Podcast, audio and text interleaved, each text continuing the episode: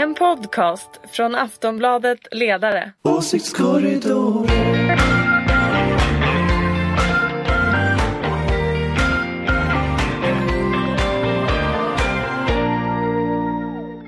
Hej och välkomna till veckans avsnitt av Åsiktskorridoren, podden om politik från Aftonbladets ledarredaktion. Vi befinner oss i slutet av maj 2021 och det betyder också att det bara återstår timmar innan regeringens plan för att lätta på restriktionerna ska sättas i sjön.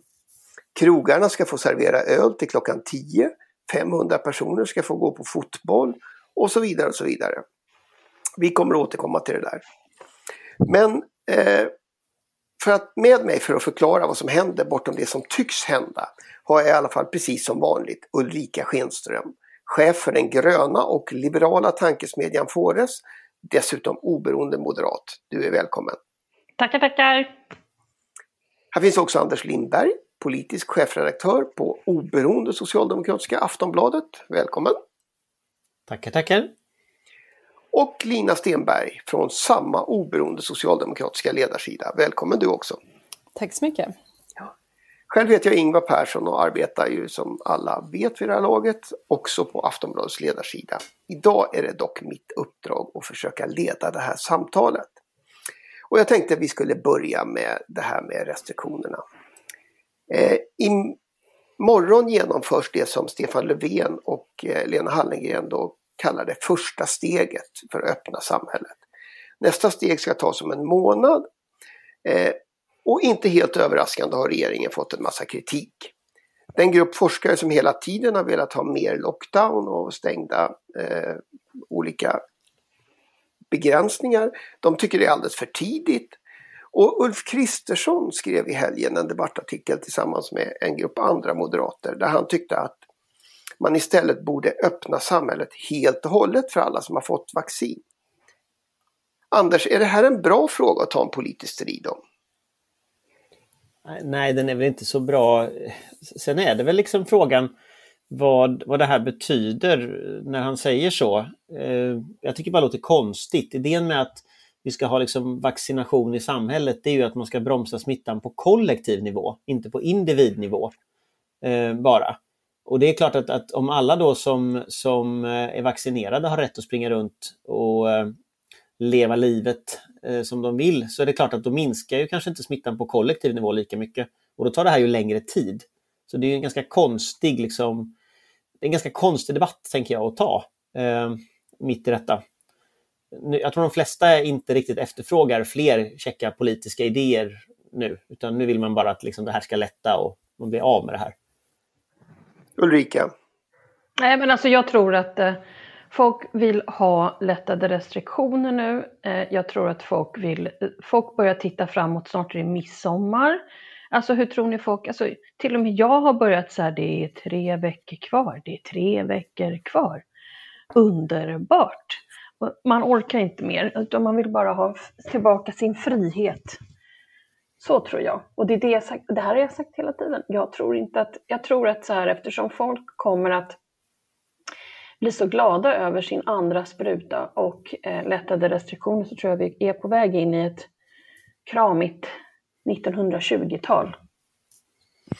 Det har ju varit, det har varit ett tema som vi har återkommit till. Ja, men alltså, och då kan hur många forskare som helst eh, klaga och bråka och så, men eh, det, jag tror att folk pallar inte så mycket mer nu, utan det är liksom, kan vi få vår midsommar nu och sen kan man få gå på semester och sen så, det som kommer att liksom vara bra med det här det är att man kan jobba varifrån som helst nästan och att man kan känna väldigt stor frihet. Jag ser, emot, jag ser fram emot att åka till, till, till Värmland till midsommar och sen så kan jag jobba därifrån. Och sen går jag på semester där. Det är ju fantastiskt. Är eh, jag går inte omkring och känner mig bitter över att någon möjligen har tagit fel beslut någonstans här eller där. Det här var första gången det hände och eh, visst, vi kunde ha varit bättre rustade, men det är väl ganska många regeringars fel och inte en. Så att, eh, ja, sen finns det, kan man ju diskutera. Och den där, den där coronakommissionsrapporterna kommer ju komma och det kommer att diskuteras, men jag tror ändå att folk kommer att vara ganska lyckliga så fort det här är liksom klart. Sen kan vi diskutera olika eh, fabriker som borde ha legat i Sverige eller inte. Och det finns så många uppfattningar om ditten eller datten. Det är så. Men, men den, den stunden är ju inte här just nu. Så att, uh, lätta upp. Jag tror att går, man ut, går jag ut med hunden imorgon kväll så kan jag tala om för er att jag tror att det kommer vara helt crazy på stan. Folk kommer, jag lovar att de har bokat bord till så här, jag har bokat bord klockan åtta för att äta middag första juni för att kunna sitta där till 22. Jag lovar er att det kommer vara så smockat. Jag Inget tänker är så också... roligt som att få, få göra saker igen. Mm. Lina? Nej, men jag tänker också att nu har vi ju hållit i det här i, vad blir det, ett år och fyra månader. Eh, det är inte läge nu att börja bli populistisk kring det här. Det känns som att nu har vi, nu har vi orkat, vi har stått ut. Ja, men det är liksom, alltså nu har vi på något sätt ändå vant oss vid det här och eh, liksom hyfsat klarat i alla fall. Sen kan jag ju tycka att eftersom de, de, som kanske mest har brutit mot rekommendationerna eller restriktionerna hittills har varit de som inte eh, har varit liksom, de äldre, utan snarare de yngre, så kanske jag kan unna de äldre som har vaccinerats att få ta den där sena ölen på krogen lite mera. Men någonstans tycker jag ändå att vi kanske kan hålla ut lite till Alltså det är ändå inte långt kvar. Och så kan vi väl fortsätta den här övningen av, av solidaritet. Så kommer vi bli av med det här fortare, så är det ju bara. Men, jag ja. tänker jag tror att en annan grej. Tror... Med... Ulrika. Tänk... Ja. Nej, på, kör på då. Jag skulle bara lägga Anders, till egentligen ja. bara att, att alltså, jag tror att väldigt många som inte bor i Stockholms innerstad eller i Göteborgs innerstad eller i Malmö innerstad fattar nog inte hur mycket folk det är som är ute. Alltså, jag tror att folk som bor till exempel där i Värmland på landsbygden eller glesbygden och sånt där som inte ser hur det fungerar här i Stockholms innerstad eller vilken annan innerstad som helst där det är smockat med folk. Jag tror inte folk riktigt fattar det, men det är så. Mm, förlåt Anders, jag ska aldrig mer säga ja. någonting, nu håller jag smacken. Jag kan rapportera från södra Dalarna här eh, utanför Ludvika att här är det inte smockat. Anders? ja, nej men jag tänkte bara det, jag tänkte med, liksom det politiska i detta. Att jag tror att det finns, jag tror efterfrågan, precis som, som Lina sa, på liksom coronapopulism, den tror jag är rätt liten just nu. Eh, men däremot så tror jag ju att de politiker som nu liksom sitter stilla och låter folk bli gladare och gladare och, och kramas allt mer. Jag tror att man kommer att vinna på att liksom på något sätt vara the bigger person här. Eh, att inte hålla på och hacka på, på allting som blev fel och hacka på varandra. Och, och, jag noterar ändå lite när man läser, det verkar både oppositionen och regeringen ha sett det här, att, att eh, det är inte så mycket så här regeringen skyller på regionerna och regionerna skyller på regeringen längre. Utan alla har lite, lite taggat ner. Eh, och därför blir det ju rätt intressant att se Coronakommissionen, om den ska liksom riva upp de här striderna igen. Om det ska liksom komma tillbaka igen eller, eller vad som kommer att hända. För att jag tänker att den här bubblan av liksom coronakritiker, den, den håller liksom på att krymper ihop till liksom en die hard-grupp som hatar allt och tycker liksom att typ regeringen ska ställas inför rätta. Ja men de hatar, kolla på sociala medier, de slår ju vilt liksom. Ehm, mm. Det är mot medierna var det förra veckan kom en rapport från eh, Näringslivets medieinstitut som, liksom då som sätter medias fel, försöker lägga skuld på media. Så. Eh, det finns ju de här gängen som håller på på sociala medier och sprider ut saker om regeringen. Det finns där långa listor på citat från Anders Tegnell som snurrar runt och sådär. Så det, det är en oerhört aggressiv liksom, undervegetation.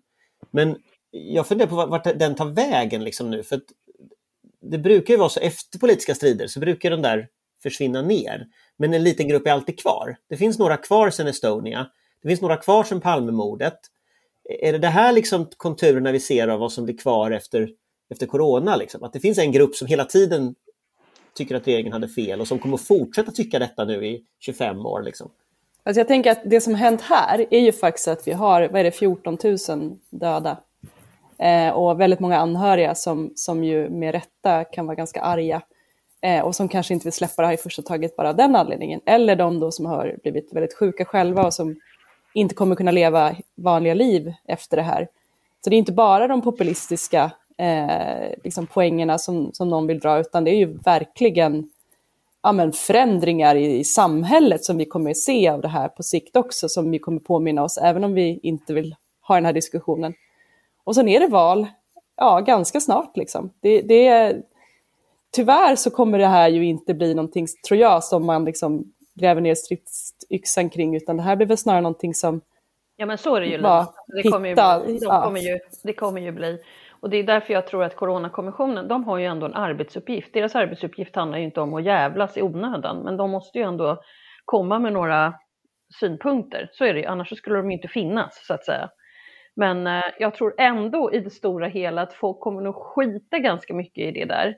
Eh, även om inte oppositionen kommer att göra det, för att jag tror att folk i gemen kommer att vara lyckliga över att få tillbaka sina liv. Och så måste vi ju lära oss någonting av det här. Alltså det, det måste ju alla tycka att det är värt. Eh, vi var inte beredda på det här och eh, det måste vi vara nästa gång. Så att alla har ju ett intre- intresse av det. Men, Men sen tänker låt, jag att- låt, jag mig, ganska- låt mig bara försöka återknyta till själva eh, den här grundfrågan om eh, det här moderata utspelet.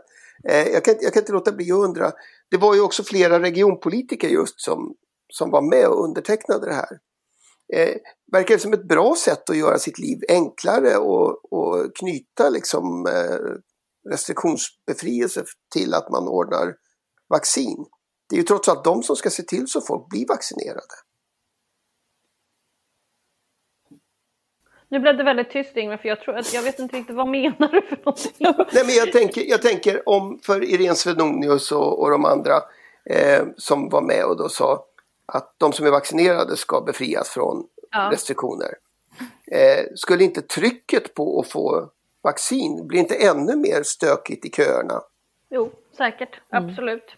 Men jag menar, å andra sidan, som jag försökte säga förut, att om ni promenerar igenom Stockholms innerstad, oavsett om du är på Södermalm, Kungsholmen, Vasastan, Östermalm, Norrmalm, var den än är, eh, så kan jag säga att jag är ute med hunden många gånger på kvällarna och det är som sagt smockfullt. Så det, är ju inte sådär så att det ser ut som Stockholms innerstad har några restriktioner direkt. Det är inget som Och då besvärar. pratar inte jag om att det sitter 22-åringar på varandra uteservering, utan det är fullkomligt blandat. Och folk Alla är jätteglada. Ja, men I mataffärerna, var som helst, alltså ingen har ju munskydd knappt längre. Alltså ingen, eh, för, för bara några månader sedan så försökte ju folk åtminstone inte tränga sig förbi varandra jättenära för att liksom råka smittas. Nu bryr sig ingen om sånt längre. Ingen. Så att, eh, ja. Ja. Så, så egentligen kommer de här eh, lättnaderna, de kommer för sent. Folk har redan tagit ut dem själva. Jag skulle nog säga att jag trycker nog ändå att det var ett par månader sedan som jag ändå måste säga att jag menar, jag var ute och gick på lunchen här eh, och skulle handla någonting att äta och du vet, folk sitter på varandra uteservering. Och man, men det måste vi prata om någon gång. Det här med att folk har blivit så kontinentala här i Stockholms innerstad att de sitter och dricker vin och öl redan till lunch. Hur ska det gå när de ska tillbaka till jobbet? Det tycker jag verkar väldigt spännande. Ja. Men det får vi, det får vi väl eh, ja, fundera på. Nej, nej, men jag tänker att det största problemet här är väl att men varför, varför tillåts det här ske? Jag har också noterat de här uteserveringarna. Eh, folk, och då blir reaktionerna mest, ja men det är väl bra att de sitter ute. Ja, kanske det, men De varför, sitter varför är det ens möjligt? sillar. Precis, och då, då kan jag tycka att nej, men då kanske man borde ha sett till att det där inte ens ja, är möjligt. Eh, eller för, för den delen inne på restauranger där, där borden ändå är ganska nära varandra, kan man tycka. Alltså det, det är väl, ja, jag tror inte att man skulle ha gjort det lättare, man kanske snarare skulle gjort det svårare att, att råka smitta varandra eh, när man är på krogen. Fast frågan är väl om det är det som har spelat roll? Är det verkligen det? Alltså, jag tänker, alltså mängden människor som har smittats i den typen av tillfälliga miljöer är ju säkert mindre än de som har smittats i familjen eller de som har smittats därför att hemtjänsten eh, inte kan vara hemma när den är sjuk och så vidare. Så, så att, eh, jag- jag, undrar, jag undrar när man utvärderar i efterhand, de länder som har haft den typen av begränsningar, de har ju nä, nästan allihopa ju högre smittspridning än vad vi har. Men, men liksom frågan är vad har funkat egentligen? Alltså det kommer det- vara rätt ja. intressant att se liksom, när man tittar på det. Eh, och och just det här att, att vi, vi har ju jag har en del kontakter i massa andra länder som jag pratar med lite på regelbunden basis. och Sådär. Eh, som man förr träffade för att man åkte dit men nu får träffa på Zoom. Och det är ju, de hemskolar ju sina barn och de får ju inte gå ut överhuvudtaget. Men de har mycket, mycket högre smittspridning än vad vi har. Och vet du vad det beror på tror jag? Svensken, vi gör som vi blir tillsagda. Men du vet, fransmännen säger att de sitter hemma men det finns ändå en massa lönnkrogar och svartpubbar och du vet. Så att du vet, de säger att de sitter hemma men de gör nog inte det. Du vet, regler i många andra länder är till för att brytas, men sådana är inte vi. Vi är ju oftast väldigt, väldigt sådär, oj, nu har staten talat om för oss att vi ska sitta hemma. Ah, det är nog bäst jag gör det. Och vi smiter ju inte ut, men det gör ju alla andra, så det är väl klart att smittspridningen eh, har, har pågått jättemycket när de har haft total lockdown. Jag menar, I Paris var det ju hur mycket klubbar som helst som man tog av sig munskyddet när man kom in och så bara hoho! Så, så att, jag vet inte, det där måste man ju gräva i. Det kan ju bli riktigt, riktigt spännande. Det är så det blir ditt 20-tal nu. Då kommer det bli mycket så. Hoho, och inga munskydd och dans hela natten. Fast Ulrikas 20-tal inträffar ju först när folk har fått sin vaccinering ändå. Ja, absolut. Ja, precis. Innan tredje, vad heter det, innan nästa sån här vaccinperiod för att det kommer någon sån här konstigt, eh, någon ny mutation från liksom Tjotahejti någonstans. Mm. Ta, nu, ta nu inte ner eh, liksom glädjen över det här. positiv igen. Hörrni, eh, vi, vi lär återkomma. Vi får väl se vad som händer. Som sagt, från och med imorgon så får 500 eh, personer gå på fotboll i alla fall. Och, ja, det tycker jag. Alltså, du vet, jag har tyckt så synd om kulturen och idrotten. Det är helt sjukt. Folk, folk gnider sig mot varandra på ICA men man får inte gå och se en match. Det är ju liksom, Nej. hallå! Ja. Och nu, är det ju, nu blir det ju rätt exklusivt ändå, 500 personer. Men som sagt, något, något åt det. Vad som dock inte tas bort är ju faktiskt demonstrationsförbudet för mer än åtta. Har de inte gjort det? Det är, ju faktiskt, det är ju faktiskt kvar, eh, det här eh, för allmän sammankomst. Så att, eh, det, det, är det för att man inte vill ha de här vaccinmotståndarna? De här... Nej, men det är väl för att de rör på sig ute. Reglerna är att de sitter ner 50 personer på restaurang eller sådär. Men alltså, det, det, det, finns något intressant i ändå de här våra fri och rättigheter, var de tar vägen. Liksom. Hur lång tid ska det vara kvar, den typen av begränsningar? Mm. Vill jag få återkomma. Eh, jag tänkte vi skulle ta ett annat ämne eh, nu. TCO har ju uppmärksammat en rapport från OECD där det framgår att den svenska a-kassan är en av de sämsta i Europa eller i alla fall är ersättningen en av de lägsta. Eh, det där stämmer väl ganska dåligt tror jag med många svenskars eh, bild av våra trygghetssystem. Eh, kan vi ha det så här Ulrika? Ja men alltså det här går inte bara att titta på a-kassan, du måste ju titta på alla andra bidragssystem och det har jag inte hunnit med så att jag kan faktiskt inte säga det. Ni vet att jag tycker att det ska vara en lägre a-kassa än vad ni vill ha. Så den, den, där, där kan vi bråka Anders och jag i flera timmar säkert. Men å andra sidan så har Sverige väldigt många andra bidragssystem så du kan inte bara enskilt titta på a-kassan. Jag vet inte vad det finns för bostadstillägg, vad det finns för andra bidrag, hur föräldraförsäkringen slår. Alltså det finns ju, du kan ju inte bara ta a-kassan i sig och inte titta på resten. Så att lite svårt att debattera den faktiskt eftersom jag inte vet hur resten ser ut. Men håller du med mig om att det kanske inte är den bilden som svenskar har Nej. utav? Nej, jag tror att svenskarnas bild är annorlunda. Det, det kan jag hålla med om. Absolut. Anders, tänker du också debattera här i flera timmar? Ja, alltså, jag, jag, tänker ju att... Tar vi stupstocken här... här nu och så tar... Nej, men det här är ju konsekvensen av, av eh, Sven-Otto Littorins eh, förändringar i a-kassan. Och jag tror att de flesta svenskar trots allt tror att den är ganska bra. Och det är en chock för människor när de sen blir arbetslösa och upptäcker att de får inga pengar. Ja, men det är och, bättre att jobba, du vet. Arbetslinjen måste fungera. Jo, men arbetslinjen funkar ju bättre om det finns jobb till folk och att du inte det har hög det. arbetslöshet. Det ja, det, ja, vi har nästan 10% arbetslöshet i Sverige. Långtidsarbetslöshet, ja, med folk som inte kan komma ut på arbetsmarknaden. Men de flesta kan ändå, de flesta som ändå har gjort sina läxor kan hitta ett jobb. Vi har nästan 500 000 arbetslösa i Sverige, 445 eller vad det var senast. Så att, menar, det är en enormt stor grupp som är arbetslösa. Eh, och det är klart att, att ska man ha någon form av tr grundläggande trygghet på arbetsmarknaden så kan man inte skicka ut folk i fattigdom när man förlorar jobbet. Det måste finnas någon form av a-kassa som funkar. Och att vi ligger bland de sämsta i Europa och sämst, bland de sämsta bland jämförbara länder. Det tror jag Men för de flesta människor är en chock. Vi har väldigt många andra bidrag som, som, som, som kommer till här så det skulle vara oerhört spännande. Nej. Det är nästan så att jag skulle ringa till TCO och fråga hur de jämför. Ja, mm, så. Men, ja, men det, kan man, det kan man titta på. Men, men alltså, en av de viktigaste poängerna här är ju att när, när a-kassan är så här låg så kan man ju också ha sänkta löner, vilket ju är, eh, skulle jag säga, en av de största farorna med det här. För att det, blir, det är klart att om, om det är bättre att jobba eh, och man har en låg a-kassa, då är det ju bättre att ha ett, ett jobb med en lön som bara är pyttelite högre än a-kassan, vilket då inte är, eh, kanske är så himla mycket pengar.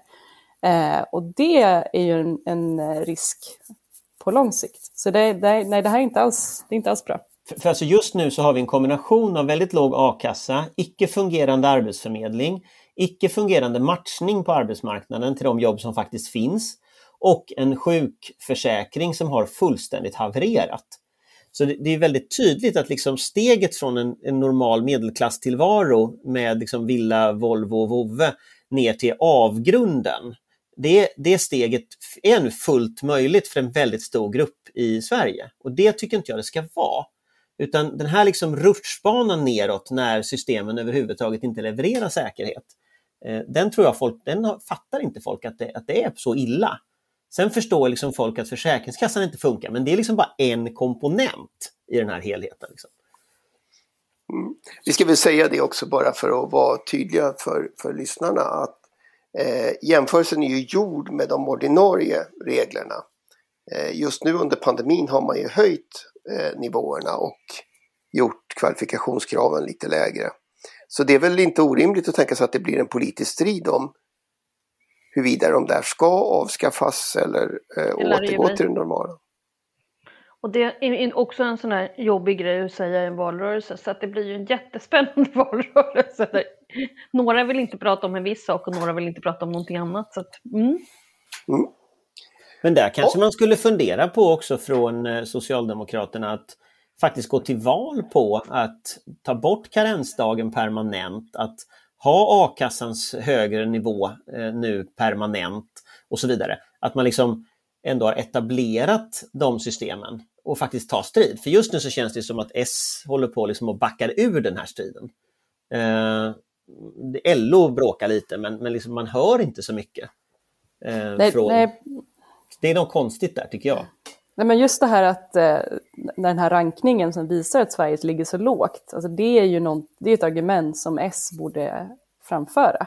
Eh, vi har ju varit bra på de här sakerna, vi har ju haft välfärdssystem som har fångat upp eh, och det gör man inte längre på samma sätt. Eh, och det, det, kan vi se på alla möjliga mätningar. Människor slinker igenom och människor blir fattiga och ja, det är väldigt många fler som inte, inte klarar till exempel barnfattigdomen som ökar och så vidare. Och så vidare. Ehm, så det finns ju väldigt stora anledningar att bara återupprätta dit man har varit förut. Inte ens att prata om liksom egentliga förbättringar, utan bara, ja, bara gå tillbaka till som det var förr, eh, innan de här extrema nedskärningarna. Vi lär få återkomma. Det blir som sagt en politisk stridsfråga och kanske en fråga i valrörelsen då, om nu någon vill prata om den. Det var ju det. Eh, jag tänkte vi skulle hinna med ett ämne till. Annie Lööf har ju vid flera tillfällen på senare tid förklarat att hon tycker att Socialdemokraterna och Moderaterna ska bilda en gemensam regering. Varför gör hon det? En riktig politiker borde väl vara överlycklig över att sitta i rollen som vågmästare och få eh, liksom styra fram januariavtal och allt med sånt där. Kan, kan du förklara det Lina? Alltså jag tycker att det här är ju väldigt spännande för det som håller på att hända är ju att vi håller på testar olika liksom, spelteorier här nästan.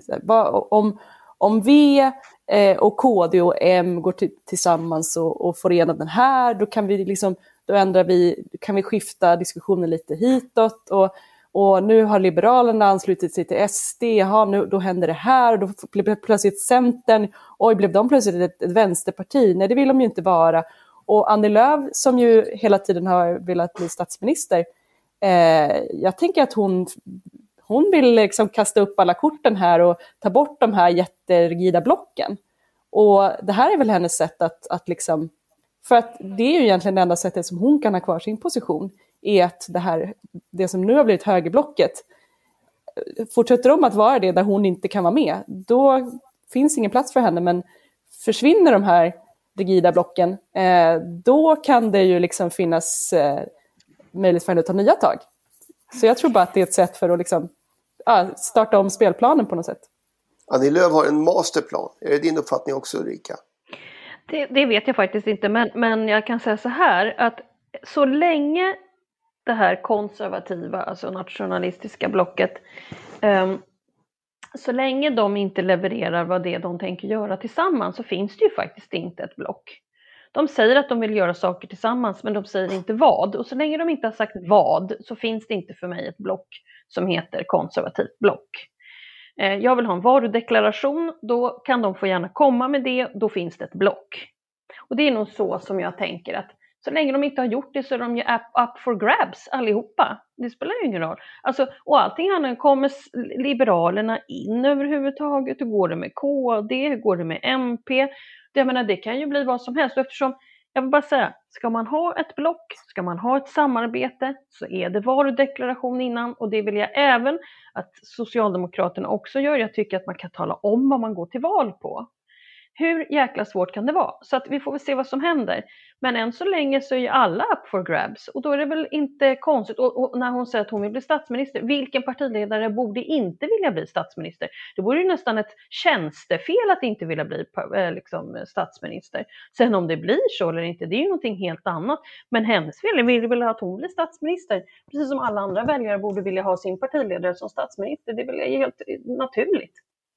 Så att jag tycker hon är jag tycker att det där är bra. Alltså jag är ju själv, och det har jag sagt förut, jag har ju själv förespråkat att S och M borde göra upp om väldigt många saker som energipolitiken och försvaret och allting så att, så att det finns spelregler överallt som håller över tid. Så att det inte liksom förändras när, när, när en ny regering kommer och en annan går. Så det, det, där, och dessutom tillsammans eh, har man ju gjort det, bland annat i migrationspolitiken historiskt sett. Så det, där, det där borde ju komma tillbaka. Så jag, jag, jag tror att man med gemensamma krafter skulle ha kunnat göra väldigt mycket bra saker i en svår tid. I en turbulent tid. Mm. Mm. Nej, men jag, jag tror att eh, jag tror att det är en traditionell borgerlig uppfattning om att, att eh, det finns en bra, att, att man kan på något sätt samarbeta över blockgränsen Eh, och putta Socialdemokraterna mot mitten. Och är man inte så intresserad av det så är det ingen särskilt bra idé att samarbeta med Moderaterna. Det, det, finns ju kommuner där man samarbetar, som, som Eskilstuna till exempel. Och där ligger ju Socialdemokraterna väldigt nära mitten.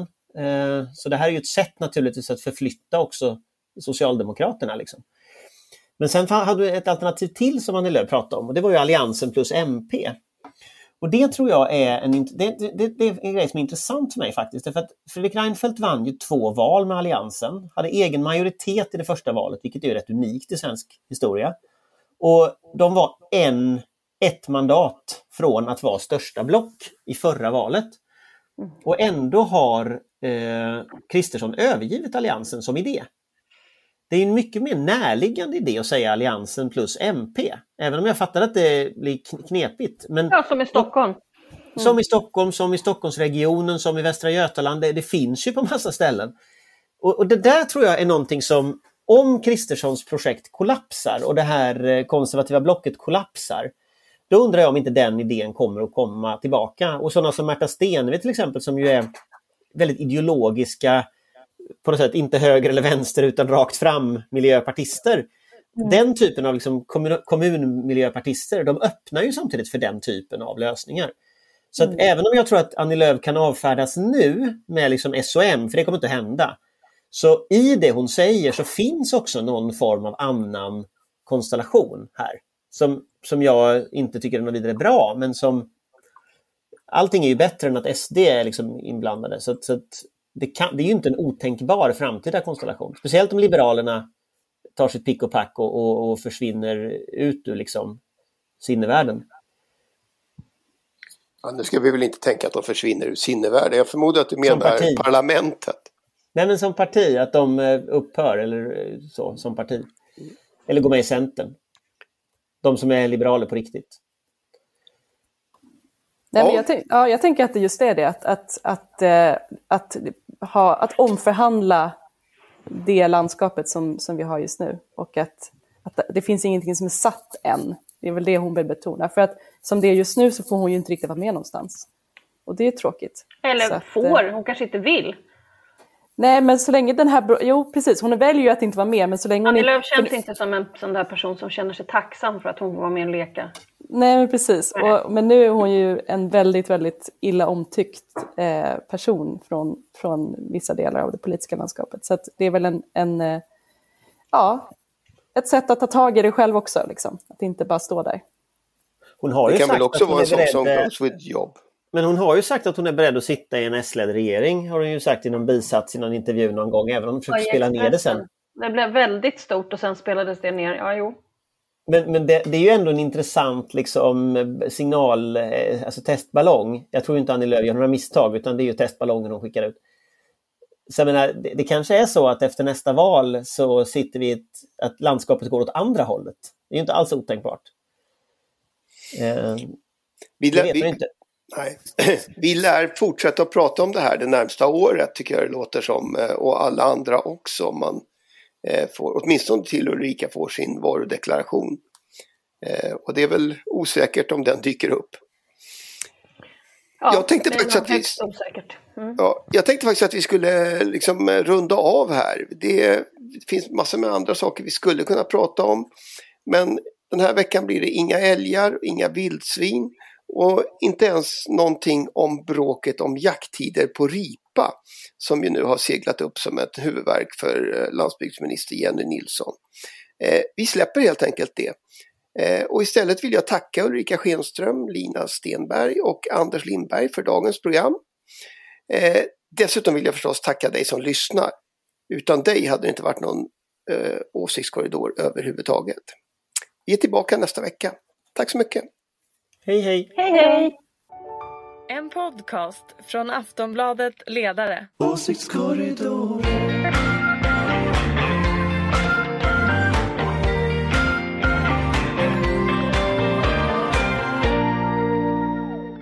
Du har lyssnat på en podcast från Aftonbladet. Ansvarig utgivare är Lena K Samuelsson.